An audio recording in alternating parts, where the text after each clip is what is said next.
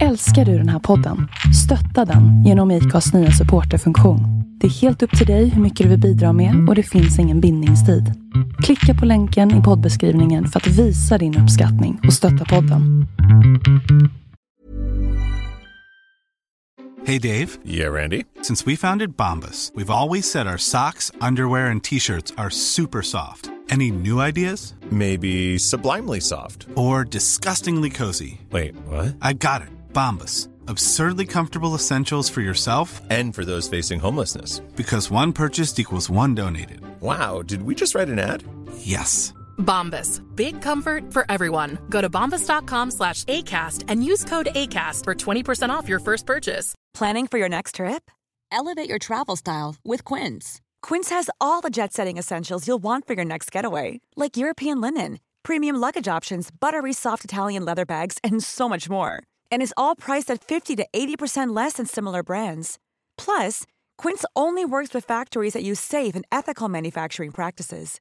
Pack your bags with high-quality essentials you'll be wearing for vacations to come with Quince. Go to quince.com slash pack for free shipping and 365-day returns.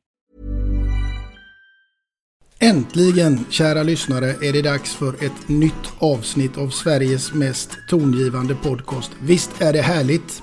Och eh, ett tack till alla er som skickar in förslag på gäster och kommer med alla dessa härliga positiva kommentarer. Mer av det. Nu ska jag be att få presentera och välkomna denna veckans fantastiska gäst som har gett oss så mycket glädje och spänning genom sina helt sagolika prestationer genom åren. Eller vad sägs om ett OS-guld i Atlanta 1996, två OS-silver, sex VM-guld, tre VM-silver och fem VM-brons. Vi får se om jag blir rättad här sen när gästen kommer in. Men vi ska därtill lägga till Svenska Dagbladets bragdguld 1996 tillsammans med en viss annan person som vi kommer in på. Men vi har också sett henne i tv-rutan i program som Mästarnas Mästare, Superstars och i Det Största Äventyret. Låt mig med detta sagt presentera en av världens bästa kanotister genom tiderna, nämligen Susanne Gunnarsson. Hej! Och du hade helt rätt. Imponerad. Ja, det är en bra start. Jajamensan. Och medan vi ändå är inne på det så kan vi ju skjuta det direkt, tänker jag. Att ett av de här fem VM-gulden tog du endast fem veckor efter ditt andra barns födsel. Mm, precis. Uh, jag hade väl bestämt att jag skulle köra VM där 95. Nej, nu ljuger jag. 94. Och var väl kanske inte riktigt så här att nej, det kanske inte går eller det går. Men det, graviditeten gick bra, hade en bra barnmorska och veckorna gick och jag trodde hon skulle födas lite tidigare. Men gjorde inte det så jag räknade veckorna där och tänkte oj snart är det VM. Och när Mimmi var född så tänkte jag direkt bara nej nu ska jag ut och paddla. Så efter tre dagar var jag ute på vattnet och det kändes bra. Ja, det är helt magiskt. Vi ska komma in mer på det. Men först så vill jag ju naturligtvis fråga dig, hur står det till med dig idag? Ja, det är jättebra. Uh, livet rullar på. Lite jobbigt nu med, med covid och sånt där. Men samtidigt så jag jobbar och tränar mina kanotister och myser på med mina vänner här nere i Malmö. Mm. Hur kommer det sig att du hamnade här i Malmö? Ja, det är en lång historia. Nej, men för kan det vara sju, åtta år sedan vart jag kär. Bodde då i Stockholm, i Vaxholm. Och spontant som jag är så flyttade jag då ner och sen efter några år så kändes det inte så bra längre och då så blev jag kvar här i Malmö. Mm. Du blev förälskad i Malmö istället? Jajamensan. Ja, så vi kommer inte att få se dig i Göteborg? Jo, det tror jag nog. Det har jag ju tänkt på det i många år. Har ju väldigt mycket idrottsvänner där plus min dotter.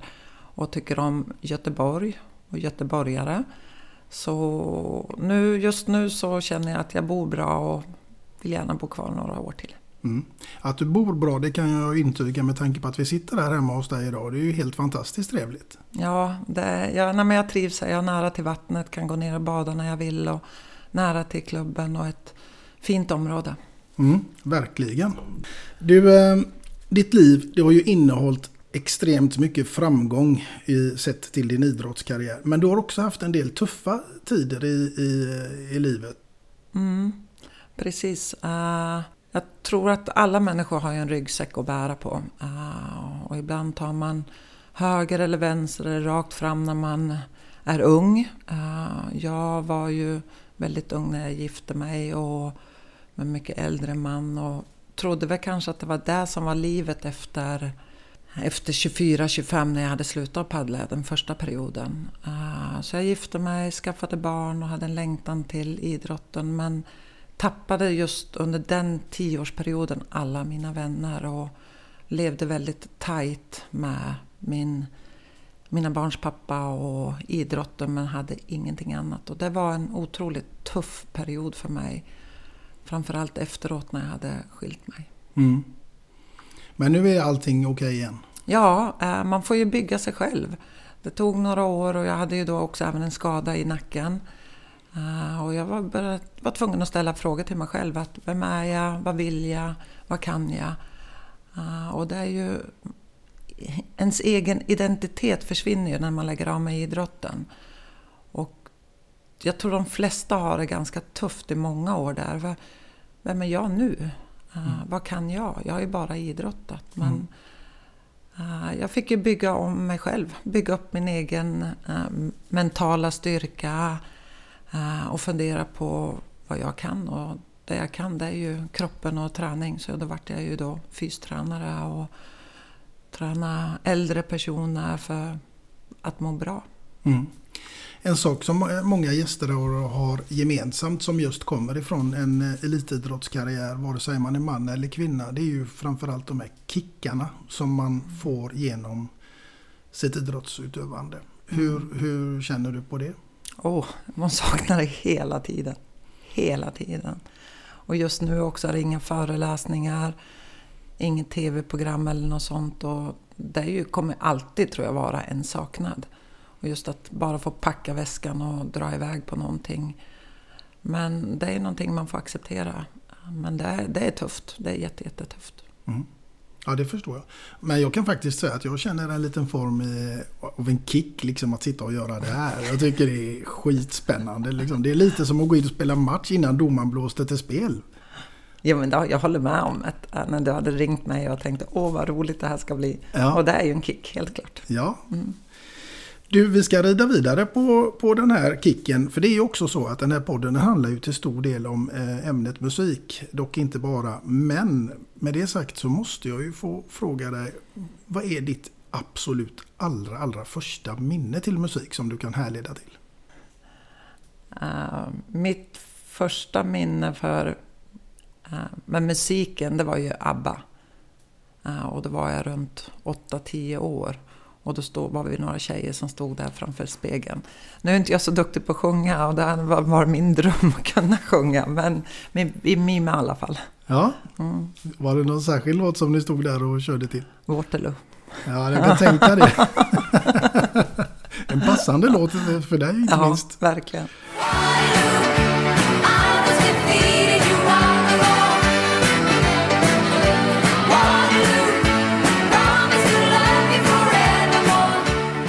Är du musikalisk eller spelar du något instrument eller något sånt där?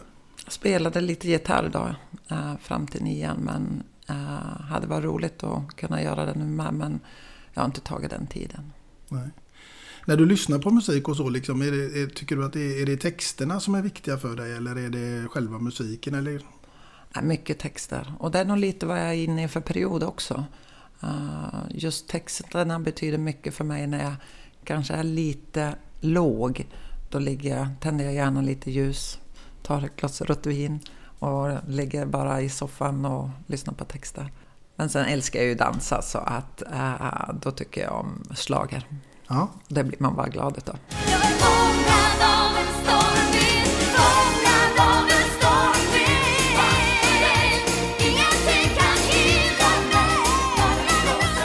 Du älskar att dansa? Ja, det bästa jag vet. Då kommer ju en given fråga här. När får vi se Susanne Gunnarsson i Let's Dance? Det vet jag inte. Men det är ju en dröm självklart just det här att få bara vara kvinna och vacker. Det är lite häftigt. Sen Ja. är det den stackaren som ska dansa med mig. Men, eh, nej, men det är klart att det, skulle jag få förfrågan så kanske jag skulle säga ja. Ja. Nu hörde ni det redaktionen på TV4 och för Let's Dance. Ni vet vem ni ska ringa. Med detta sagt så måste jag ju komma med en följdfråga så här Susanne. Nu är du i final i Let's Dance. Vem skulle bli din partner och till vilken låt? Oj. Min partner spelar nog en- ingen roll tror jag. Om du fick välja en drömpartner. Rickard Geer. Ja, varför inte? Ja. Ja. Men låten skulle nog vara Lev nu, dö sen, tror jag. Mm. För den ger mig en kick. Vi tar oss från Richard Gere och rakt in i tv-rutan till programmet Mästarnas Mästare. För där är jag nyfiken på. Det är mitt favoritprogram alla kategorier. Och där har du varit med Susanne. Och eh, jag måste ju tänka, för kamerorna är ju ute på hela tiden. Men alla dessa vinnarskallar som samlas här nere och lever ihop i det här huset. Det måste ju vara helt fantastiskt. Ja, det är det verkligen. Eh, Det är väl det programmet jag tittar på och eh, Superstar. Det är just de här kvällarna när inte kamerorna är på. När man sitter där och känner att det är inte bara jag som är ensam om de här tankarna man har haft. Att vi är väldigt lika som människor. Eh, vad vi funderar på, hur det har varit i karriären och efter karriären. Så det är alltid en saknad när programmen tar slut, inspelningen. Du var ju med även på Superstars och så var du ju med i eh, Största Äventyret där. Mm, fy fasen. alltså det största äventyret. Ja. Ja. eh, det, var, det största äventyret det var väldigt speciellt. Vi var ju borta en väldigt lång period. Det var ju sju veckor och jag gick ju vidare då. Ja, det var en utmaning men samtidigt hade man mycket tid att tänka på nätterna. Eftersom det fanns inga mobiler eller någonting. Det fanns ingen klocka, man visste inte hur mycket klockan var. Och det, eh, under den här, de här sju veckorna lärde jag mig väldigt mycket om mig själv. Och vad jag ville, vad jag behövde, vad jag behövde prioritera. Mm. Vad var den största insikten du kom fram till? Det var att förhållandet jag hade var inte så bra. Att jag kände att jag behövde bryta det förhållandet. Det är ju starkt att bara komma fram till någonting sådant. Ja, men man, man ligger där hela nätterna och bara kan tänka så, så har man ju mycket funderingar och då kände jag det här. Och sen hade man, kunde man också även ligga och prata mycket om familj och vänskap och sådana saker. Och det, jag lärde mig jättemycket under den perioden. Mm. Skulle du ställa upp igen? Nej. Nej, jag fick ju en fruktansvärd bältros efteråt. Ja. Eller under sista programmet vi spelade in då. Eh, och det var ju att man var så nedkörd i kroppen. Eftersom man inte åt någonting på tre dagar. Så att, nej, det skulle jag inte. Nu säger jag så, men sen skulle det komma någonting kanske man skulle säga ja ändå. Men, men inte just nu i alla fall. Vad skulle du säga att du egentligen saknar mest ifrån din tid som elitidrottare? Kickarna. Kickarna att vara så fruktansvärt vältränad och att allting känns så bra. Att allting bara funkar i kanoten. Och även att packa väskan och veta att man har ett mål. eh, Om man har tränat två till tre pass om dagen för det här målet och få åka iväg. Du är några år äldre än mig Susanne, men eh, det är ju jag som sitter där med, vid skampålen nu. För du är ju extremt vältränad fortfarande. Ja, eh, jag, jag måste, eller jag vill träna. Men jag, jag brukar säga att jag är en glad motionär. Jag kör kanske ett pass om dagen. Och då kan det vara från att springa eller gymma och är det fint väder då är jag ute och paddlar. Men jag vill alltid träna ensam. Det, är, eh, det är det viktigaste för mig för att bara få vara ensam.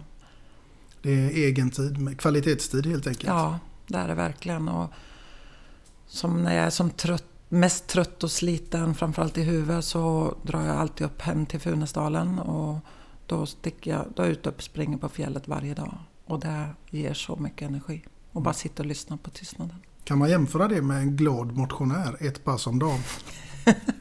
Ja, för mig, om man har tränat två till tre pass om dagen så är det, känner jag att jag är en glad motionär. På mitt gym där jag tränar så finns det ju en app där man ser sin statistik och jag vågar inte gå in och titta när jag använde gymkortet senast men det är en annan historia. Ja. Du, vi ska eh, ta oss lite grann till ämnet fantasi. Ska vi testa dig här Susanne? Du ska nämligen välja ut en middagsgäst. Vem hade det blivit? Vad hade ni ätit? Och framförallt, vad hade ni lyssnat på? Jag hade lätt sagt Astrid Lindgren om hon hade levt. Eh, Men det gör hon ju inte. Fast det är okej, du får välja henne.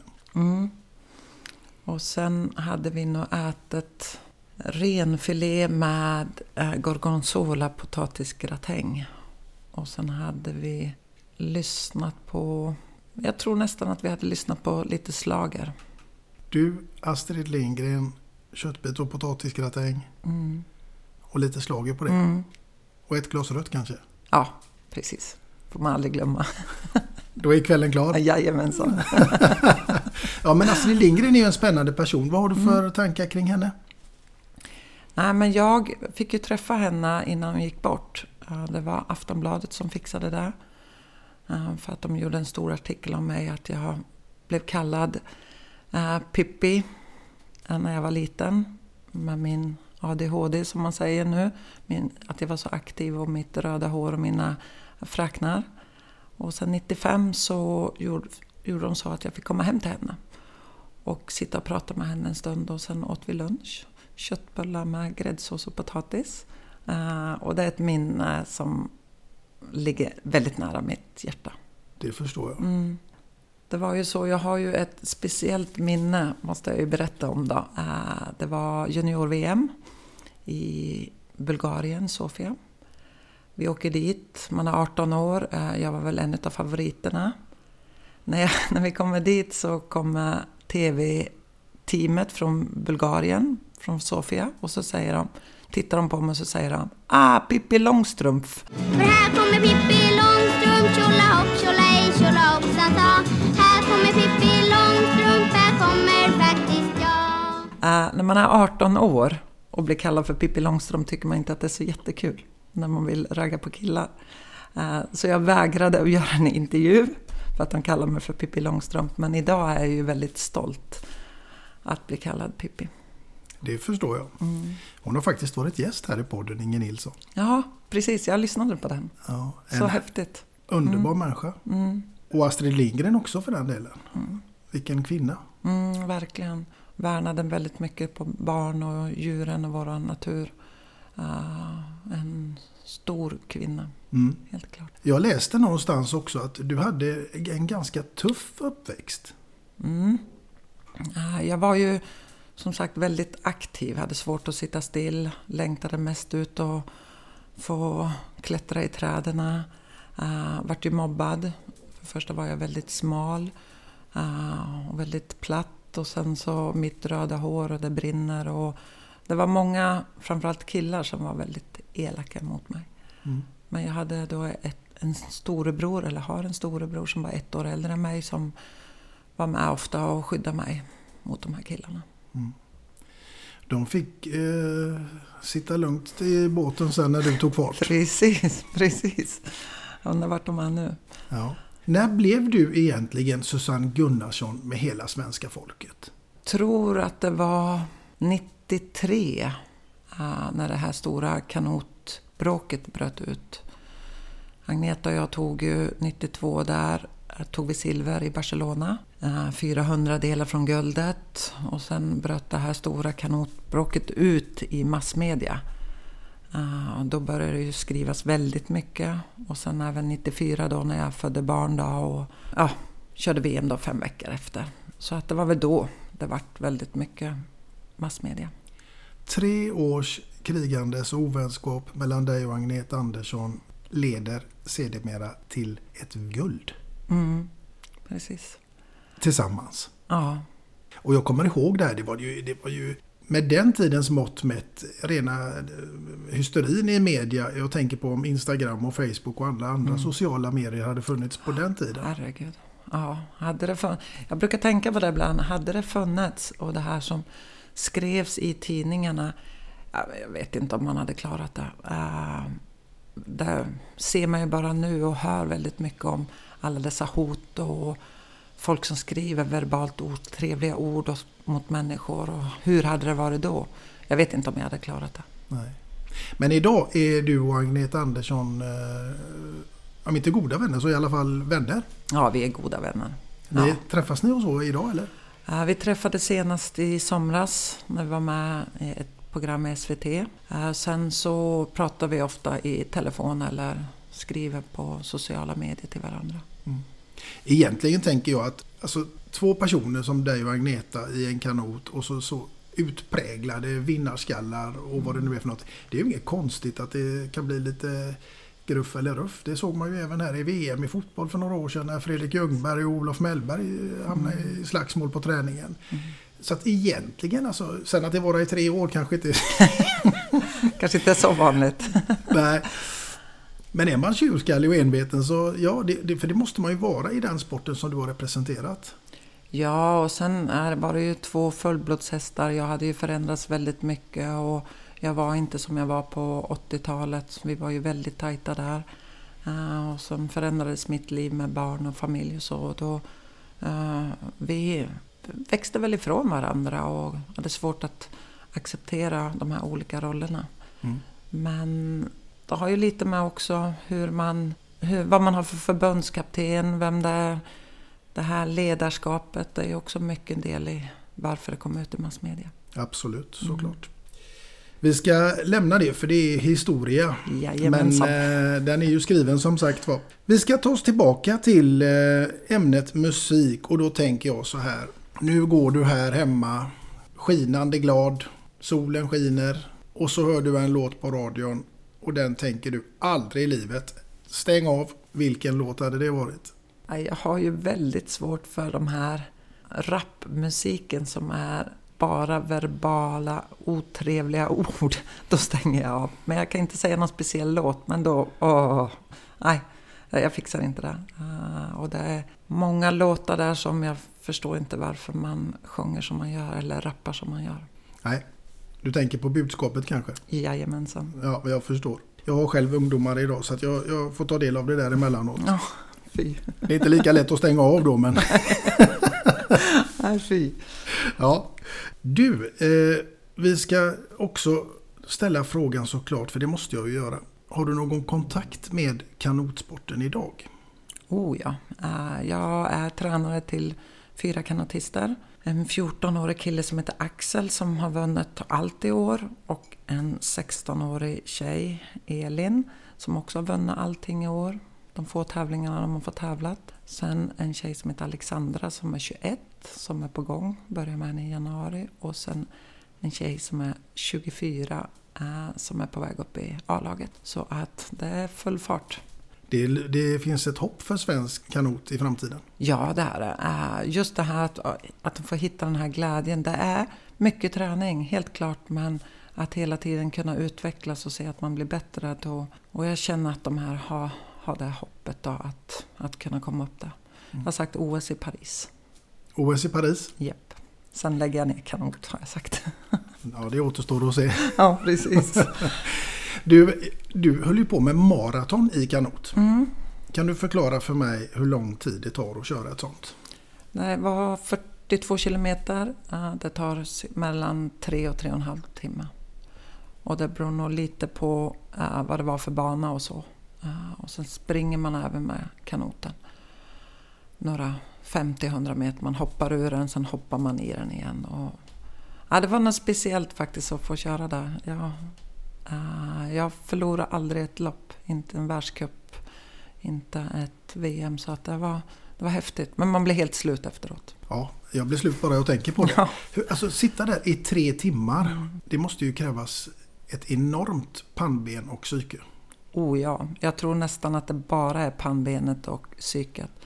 Ibland när jag drog iväg lite så att inte någon hängde med, då räknade jag dragerna för att klara det mentalt. För att, eh, att hela tiden tänka kraft i vattnet, kraft i vattnet. Ju fortare du paddlar, ju fortare kommer du i mål. Så att det var ett riktigt pannben. Ja. Tre timmar. Och 500 meter och 200 meter körde jag också. Då. Och ingen Så- musik, ingen... eh, Nej. Man sitter ganska trångt i den där kanoten. Jajamensan. Man sitter ju väldigt tajt. Man är ju på kanterna på kanoten uh, med höften. Mm. Hur gör man med vätska och sånt där då? Uh, då hade man antingen en langare som då langade uh, vatten över ja, halsen då. Uh, annars hade man en påse på sig på bröstet. Och det fanns det speciella ställen där de kunde langa det här vattnet. Då. Mm. Ja, helt otroligt. Du, jag tänker så här att jag är extremt nyfiken på ditt första låtval som du ska få berätta om nu. Mm, det var lite svårt men jag är ju den där spontana människan som, det som kommer upp i mitt huvud och just nu är det Miss Li, Lev nu, dö sen. Mm. Uh, den tycker jag är så klockren. Den är glad, uh, den bra text och det här Lev nu, dö sen. Jag tycker den, de orden är fantastiska. Ja, Miss Li, det, det, det är en favorit till dig. Ja, det är det. Och det har det varit i många, många år. Eftersom min andra favorit är Lars Winnerbäck och de har ju också spelat mycket ihop. Mm. Då tycker jag att vi tar och kör låten här nu med Miss Li som då alltså heter Lev nu, dö sen.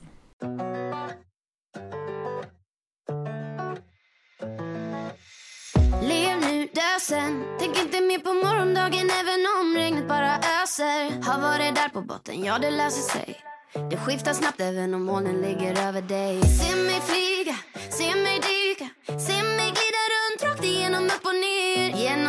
rum har jag blivit dum?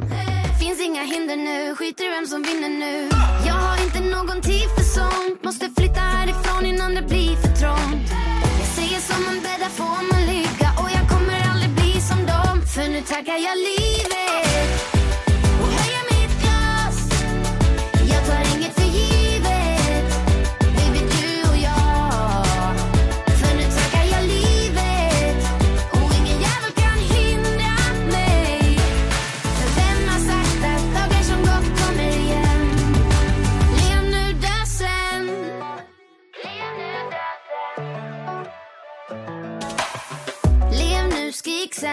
Även om det är fattigt just nu Jag lovar du blir rik sen. Och jag snackar inte materiella saker. Det är sånt som stressar dig, håller dig vaken. Gör det som du gör bäst. Forma ditt öde, rid aldrig på någon hög häst Se mig skratta, se mig gråta, se mig frälsa dem. Om inte det så har du aldrig riktigt älskat någon. Och jag har aldrig någon beef med folk. Mamma sa alltid till mig, Linda skit i sånt. Jag säger som man bäddar får man dem För nu tackar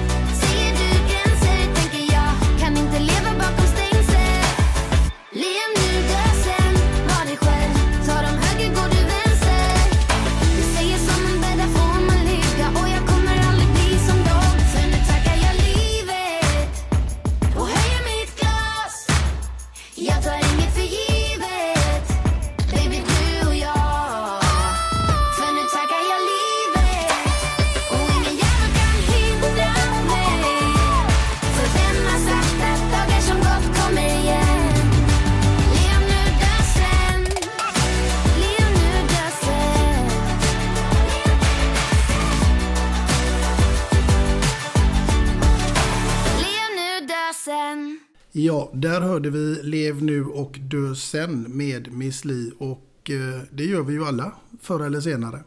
Ja, precis. Och det, jag, jag känner att det är viktigt att ibland stanna upp och känna att man, att man lever här och nu. Eh, Så måste man ju alltid tänka framåt. Men just den här känslan, vad fasen är det nu jag lever? Man vet, jag vet ju inte hur länge jag kommer leva. Nej. Och eh, under sin livstid så är det ju inte alla som får den stora äran att ta emot bragdguldet. Men det fick du 1996 efter OS-guldet i Atalanta tillsammans med Agneta Andersson. Ja, det var, och jag minns det som det vore igår, just det här nervositeten eh, innan de kom ut med vilka som skulle få det. Det, skulle, det stod ju mellan oss och Ludmilla Enqvist. Eh, och jag stack ut och åkte längdskidor jag bodde uppe i Funäsdalen då och bara tänkte att om några timmar så får vi svaret. Och sen kom en av deras journalister och knackade på min dörr och sa grattis. Och det var häftigt. Stort. känsla. Ja, det är stort. För mig var det jättestort att få vara bland de här stora idrottarna som Björn Borg, Ingmar Stenmark och de här som Thomas Wassberg och de här som hade alltid varit mina idoler. Mm. Ja, det är så grymt häftigt så det finns inte. Nej, det är, det är roligt. Ja. Har du någon eh, åsikt om vem som skulle kunna få bragdguldet i år trots dessa covid-19-tider? Nej, jag tror det är jätte, jättesvårt. Uh, ja, det skulle ju i så fall vara höjdhopparen självklart. Uh, det han har gjort är ju verkligen en bragd. Ja, det håller jag ju med om. Mm. Alla, det är en bra kandidat, Ja. absolut. Uh, annars tror jag det är svårt. Det känns som det har varit uh, om det har varit några speciellt i januari, februari där. Men annars så är det, ja. There's never been a faster or easier way to start your weight loss journey than with PlushCare. PlushCare accepts most insurance plans and gives you online access to board-certified physicians who can prescribe FDA-approved weight loss medications like Wigovi and Zepbound for those who qualify. Take charge of your health and speak with a board-certified physician about a weight loss plan that's right for you. Get started today at plushcare.com slash weight loss. That's plushcare.com slash weight loss. plushcare.com slash weight loss. Hey, Dave. Yeah, Randy. Since we founded Bombus, we've always said our socks, underwear, and t shirts are super soft. Any new ideas? Maybe sublimely soft. Or disgustingly cozy? Wait, what? I got it. Bombus. Absurdly comfortable essentials for yourself And for those facing homelessness. because one purchased equals one donated. Wow, did we just write an ad? Yes. Bombas. Big comfort for everyone. Go to bombas.com slash ACAST and use code ACAST for 20% off your first purchase. Even when we're on a budget, we still deserve nice things. Quince is a place to scoop up stunning high-end goods for 50 to 80% less than similar brands. They have buttery soft cashmere sweaters starting at $50, luxurious Italian leather bags, and so much more. Plus, Quince only works with factories that use safe, ethical, and responsible manufacturing. Get the high-end goods you'll love without the high price tag with Quince. Go to quince.com slash style for free shipping and 365-day returns. Men ja, det är nog han. Ja. Helt klart. Helt klart. Jag tror på dig. Ja. Du, eh, du eh, är ju också styrelsemedlem i Micke Ljungbergs minnesgolf. Mm. Hur hamnade du där? Ah, att jag spelar golf? Nej, det gör jag inte. jag spelar inte golf. Nej, men uh, för första Micke Ljungberg och jag har ju tävlat i samma OS. Uh, Micke uh, var en fantastiskt fin människa som jag tycker så mycket om. Det var nog Jonas Ljungberg som hörde av sig till mig om jag ville följa, komma på golfen. Var med på innebandyn när den var där. Sa jag kommer gärna på golfen men jag spelar inte golf. Ja, men, och sen har det bara rullat på och sen frågade de om jag ville sitta med i styrelsen och då, självklart. Jag har varit väldigt hedrad. Mm, tycker det är jätteviktigt jobb de gör. Mm, verkligen. Och sen så är du ute och föreläser en hel del också. Mm, det är jag. Uh, nu har det inte blivit så mycket i år men annars är jag, föreläser jag mycket för företag. Jag pratar mycket om att framgång inte är någon tillfällighet. Att sätta upp mål, ledarskap, eh, självförtroende och självkänsla. Och framförallt har jag börjat jobba mer och mer med det här med ledarskap. Då, hur viktigt det är för alla runt omkring. Mycket av det här som man får med sig från idrottslivet kan man ju också ta med sig in i yrkeslivet. Ja, ja, nästan allt. Eh, tankarna som påverkar en hela tiden. Att se att vi är olika. Mm. Men just det här liksom att eh, man ska ju prestera, det ska vi ju alla göra. Vi ska prestera i en rad olika sammanhang som föräldrar, som partner, i sin vänskapskrets, på arbetet, på gymmet, vad det nu kan vara. Och just det där att sätta mål och planera och liksom förstå vad det är som gör din prestation. Ja, det är jätte, jätteviktigt och framförallt också att inte glömma bort sig själv när man sätter de här målen. Det är viktigt också att gå ur den här zonen ibland eh, där man alltid strävar efter guld, fokusera, att man bara får vara sig själv. För man spelar ju en roll nästan hela tiden, om det är mamma eller väninna eh, vad som helst, bara få komma ur den ibland och känna, vem är jag? Eh, det tycker jag är jätteviktigt. Mm, verkligen. Vad har du för råd att ge, eller vad brukar du ge för råd när du är ute och, och, och, och pratar om det här med företagen? De viktigaste råden för mig är att stanna upp. eh, Att fundera, sätta sig ner och bara lyssna på tystnaden och ställa frågor till sig själv. Vem är jag? Vad vill jag? Eh, Hur mycket betyder jag som människa för folk runt mig? Mm. Och då måste jag ställa frågan här nu, för nu blir jag väldigt nyfiken. Nu går tankarna igång här. Vad är Susanne Gunnarsson om fem år? Oj! Ja, ingen aning. Nej, jag- vet faktiskt inte. Jag, ah, nej, jättesvårt. Eh, jag, jag tänker ju ofta på att ah, jag vill dra iväg, jag vill flytta utomlands eller jag vill flytta upp till fjällen igen. Och, ah, jag vet inte och det är också lite spännande att inte veta vad jag gör om fem år. Men eh, några år till har jag sagt att jag ska jobba med det jag jobbar med och träna mina kanotister fram till Paris 2024. Sen får jag se. Sen står det skrivet i stjärnan. Precis. Det kan vara spännande. Absolut. Och eh, nu kom vi in på det här med någonting som stod skrivet i stjärnorna. Och eh, då är det så här att alla gäster som är med här i podden, de får fem snabba. Och det ska du få nu. Ja, det är inte så farligt. Den första lyder Hemmakväll eller utekväll? Utekväll. Ja. Facebook eller läsa bok i soffan? Läsa bok i soffan. Melodifestivalen eller Melodikrysset? Melodifestivalen. Stjärnorna på slottet eller Stjärnorna på himlen? Stjärnorna på himlen.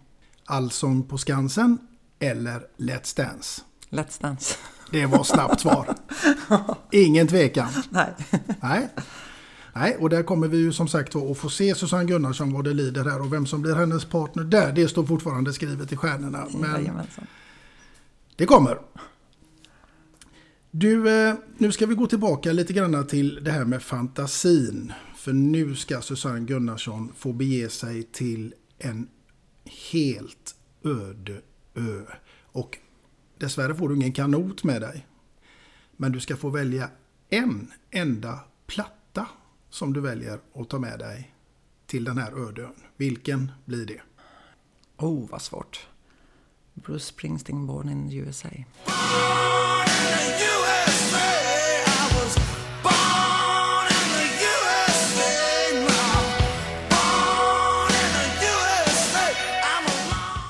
Varför då?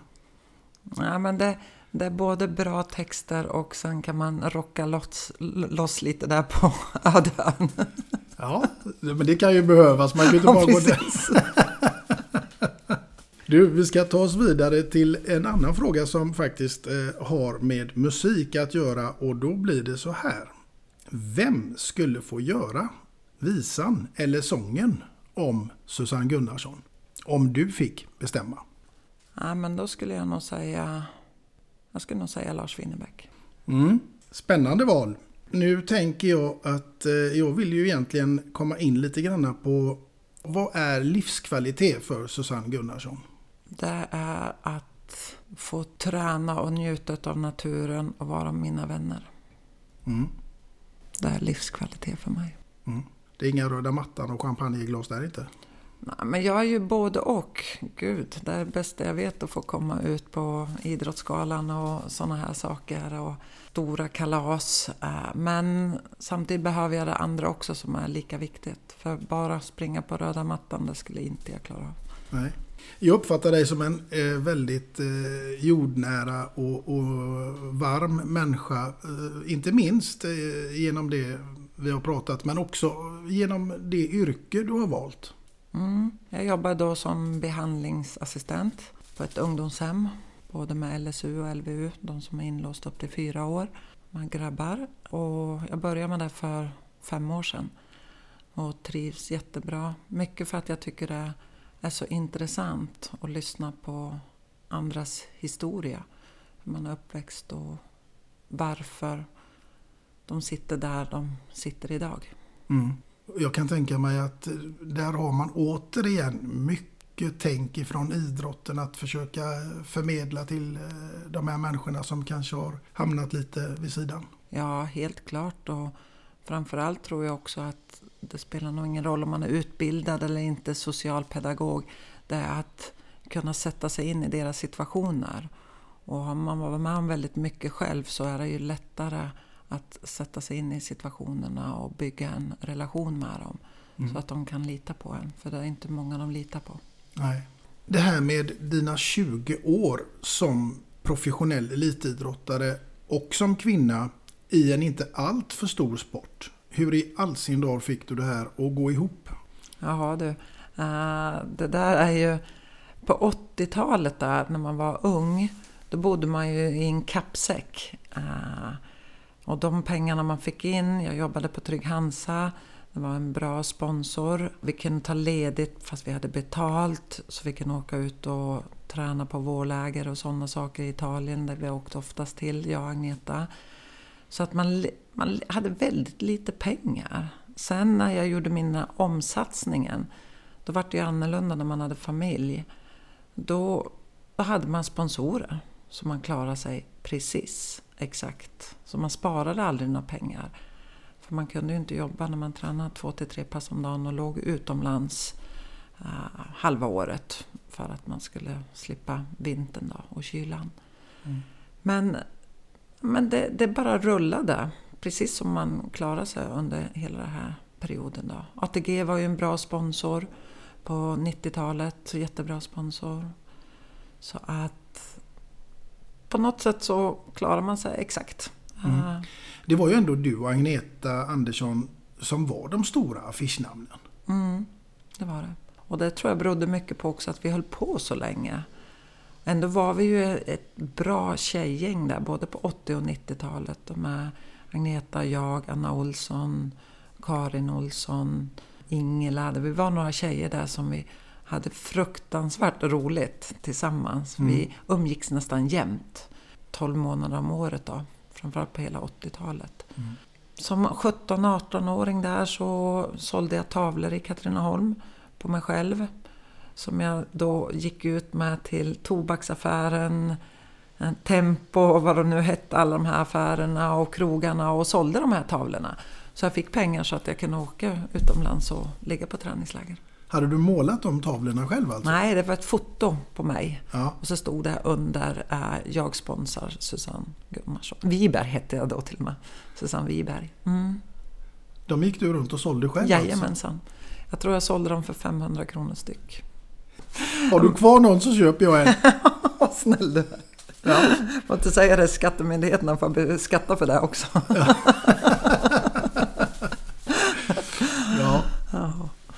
Men det är, ju, det är ju skillnad och det är ju där man känner lite nu det här att när man blir äldre att man tänker på, ja just det, pension.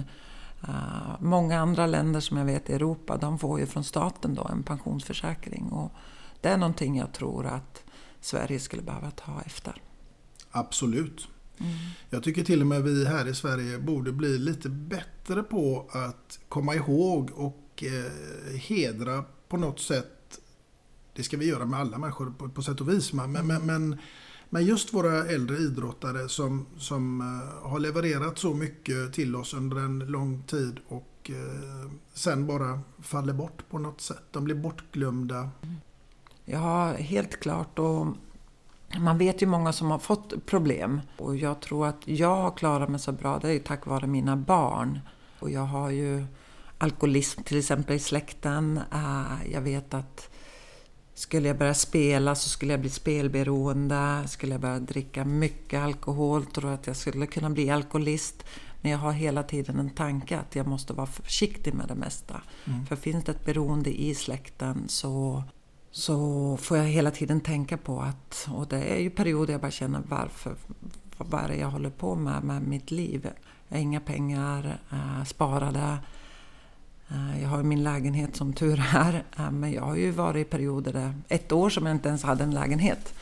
Jag bodde hos kompisar eh, när jag inte hade ett boende. Så att, men det är som en väninna sa till mig, du är en kämpe och jag tror att jag har alltid kämpat. Mm. Även som ensamstående mor. Mm. Och det heter inte ensamstående, det heter enastående. Det har du helt rätt Mm. i.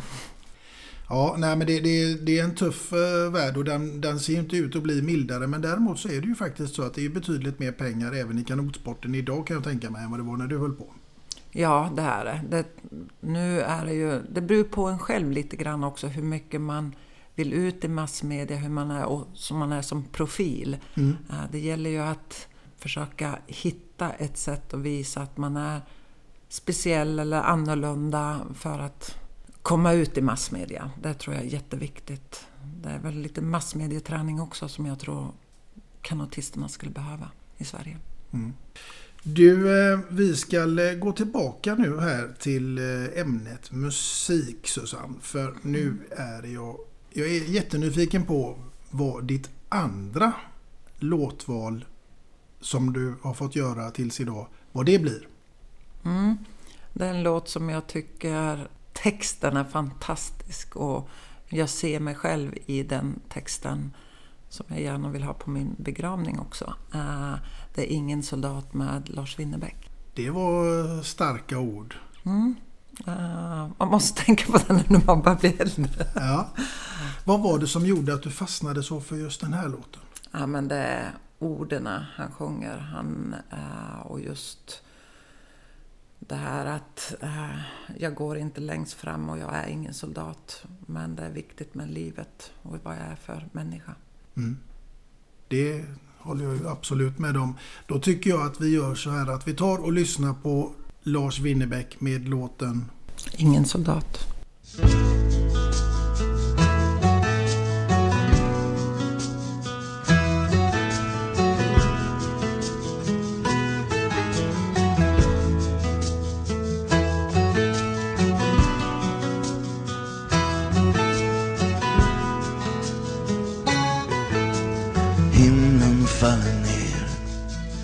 Svider till där kniven skar Jag har varit vaken hela natten. Och känt om hjärtat sitter kvar. Känt om hjärtat sitter kvar. Jag har litat på imorgon Som en troende tror Jag skulle gjort så annorlunda om jag gick i andra skor om jag gick i andra skor Jag är ingen soldat. Jag har inga vapen att ta till. Det är inga korståg jag vill gå. Ställ mig inte i ett led. Du får mig aldrig att stå still. Jag fungerar inte då. Jag är ingen soldat.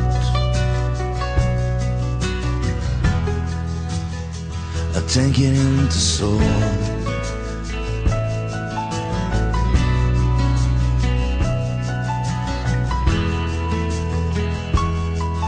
Det har härjat krig i huset. Det har härjat krig i mig. Mina ögonlock är tunga nu Snart drömmer jag om dig. Snart drömmer jag om dig. Jag har aldrig stått vid fronten Eller försvarat det jag har Men i skärvorna och flagorna Ligger ändå allting kvar Ligger allting ändå kvar jag är ingen soldat, jag har inga vapen att ta till. Det är inget korståg jag vill gå. Stäm inte i ett led, du får mig aldrig att stå still. Jag fungerar inte då, jag är ingen soldat. Jag tänker inte så.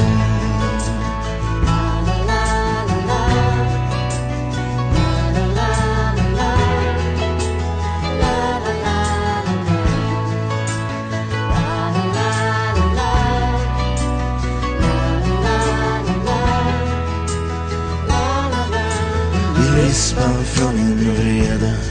Ska jag sätta jord och så I skuggan av din stolthet? Ska jag resa mig och gå? Jag är ingen soldat, jag har inga vapen att ta till. Det är inget korståg jag vill gå. Ställ mig inte i ett. Led, du får mig aldrig att stå still jag fungerar inte då. Jag är ingen soldat, jag har inga vapen att ta till. Det är ett kors då jag vill gå. Ställ mig inte i ett led, du får mig aldrig att stå still. Jag fungerar inte då. Jag är ingen soldat. Ingen soldat. Jag tänker inte så La la la la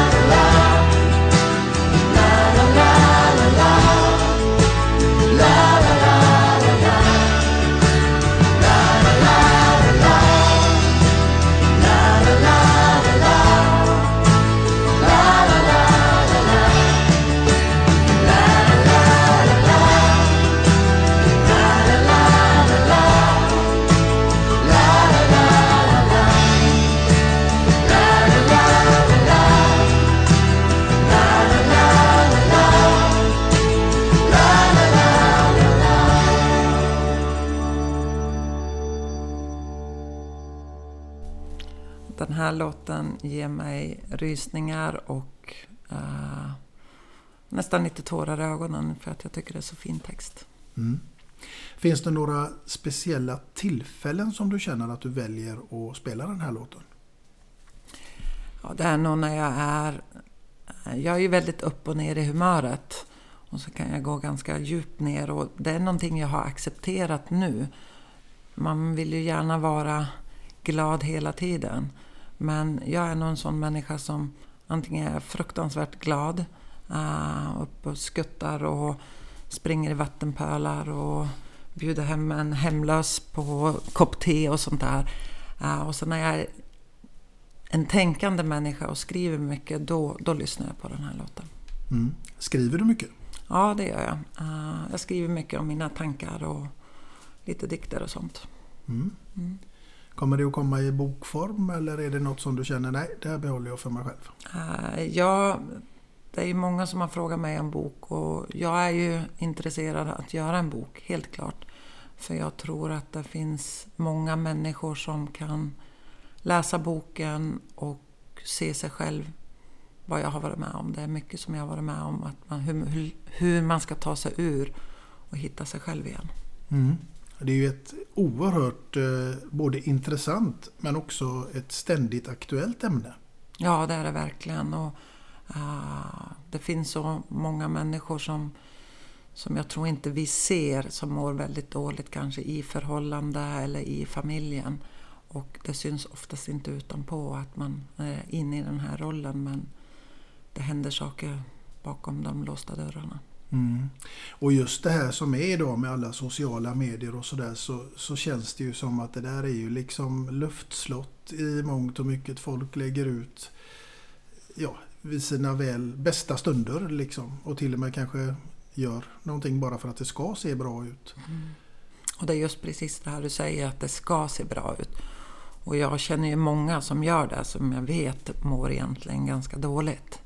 Och jag vet inte om man mår bättre av att skriva.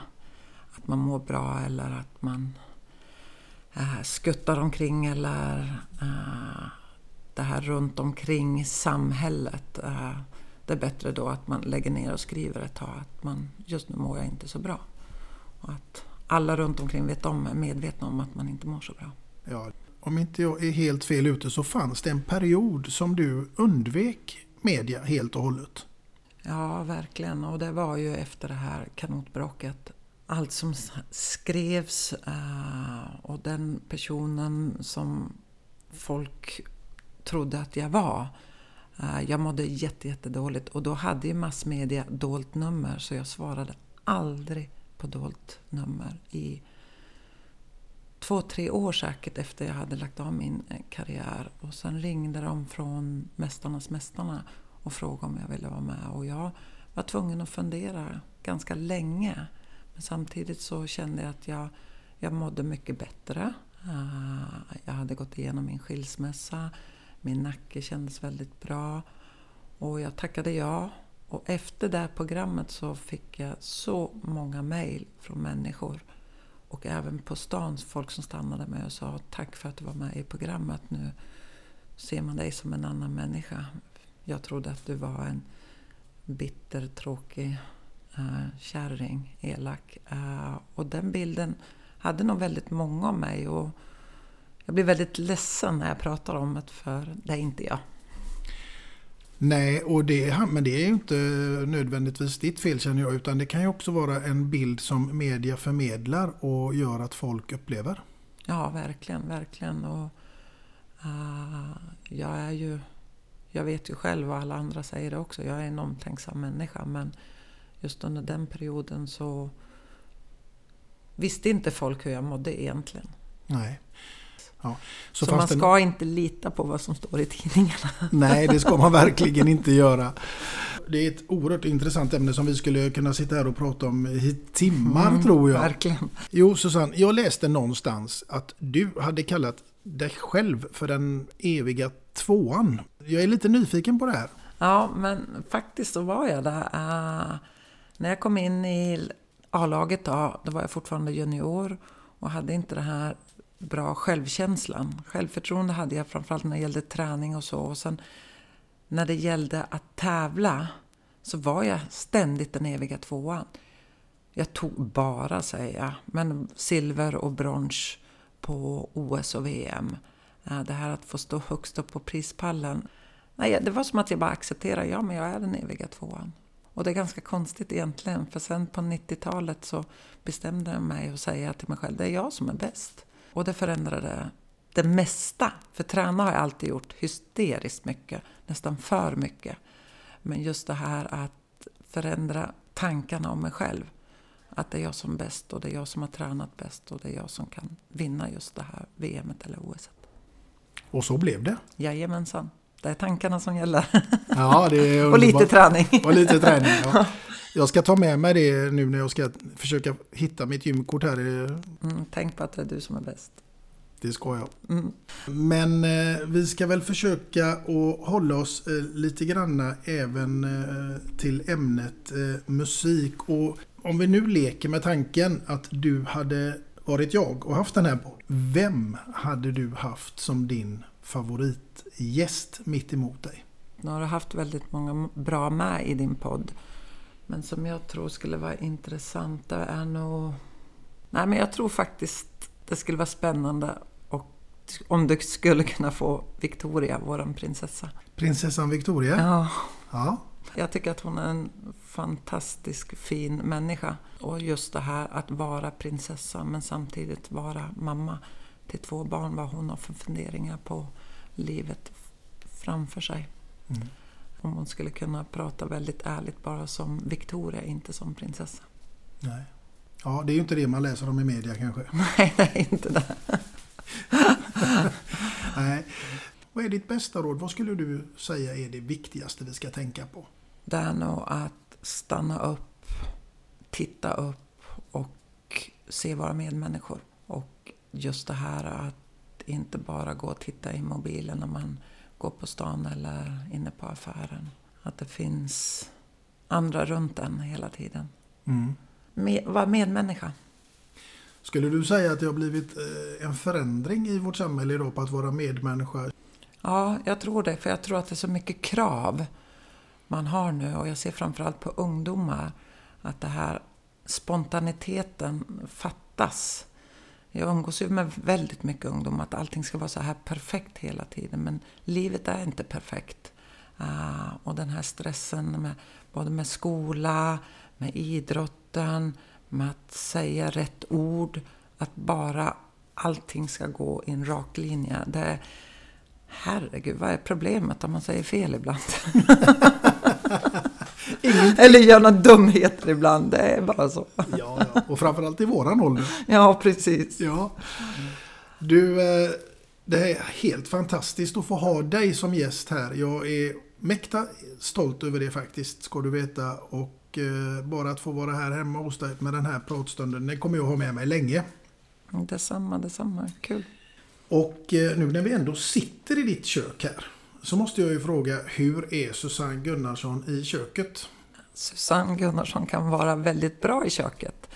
Men, och då är framförallt om jag har middagsgäster, då älskar jag att stå och laga mat. Men när jag ska äta mat bara klockan sju på kvällen ensam, då är det ofta bara pasta och tonfisk eller något sånt där. Men jag älskar att laga mat när jag får chansen och alltid laga mat åt mina barn. Det har varit husmanskost. Mm. Då har vi snart halv åtta hos mig med Susanne Gunnarsson också. Nej, fy. inte riktigt min grej. ja. Men du, jag tänker så här att jag kan nog inte bidra med så mycket matlagning till ditt kök. Men jag ska i alla fall be att få bidra med en kaffemugg. Med mm. två låtar och en kändis. Och självklart så har du ditt namn ingraverat på denna muggen här som jag vill räcka över till dig. Oj, tack så jättemycket. Jag älskar kaffemuggar. Jättefin. Grymt. Ja, den hoppas jag att du ska ha som ett kärt minne ifrån denna stund. Tack. Och eh, med det sagt, kära lyssnare, så börjar vi närma oss poddens slut. Och eh, vem som jag har framför mig i nästa avsnitt av podcasten Två låtar och en kändis, det står också fortfarande skrivet i stjärnorna. Vem vet, det skulle kanske kunna vara prinsessan Victoria om vi ska hålla oss till Susanne Gunnarssons önskemål. Den är med på listan i alla fall, helt klart. Och eh, jag hoppas självklart att ni finns med oss i vårt nästkommande avsnitt. Och tills dess så får ni ha det så bra där ute allihopa. Ha det så gott. Hej då. Hej då.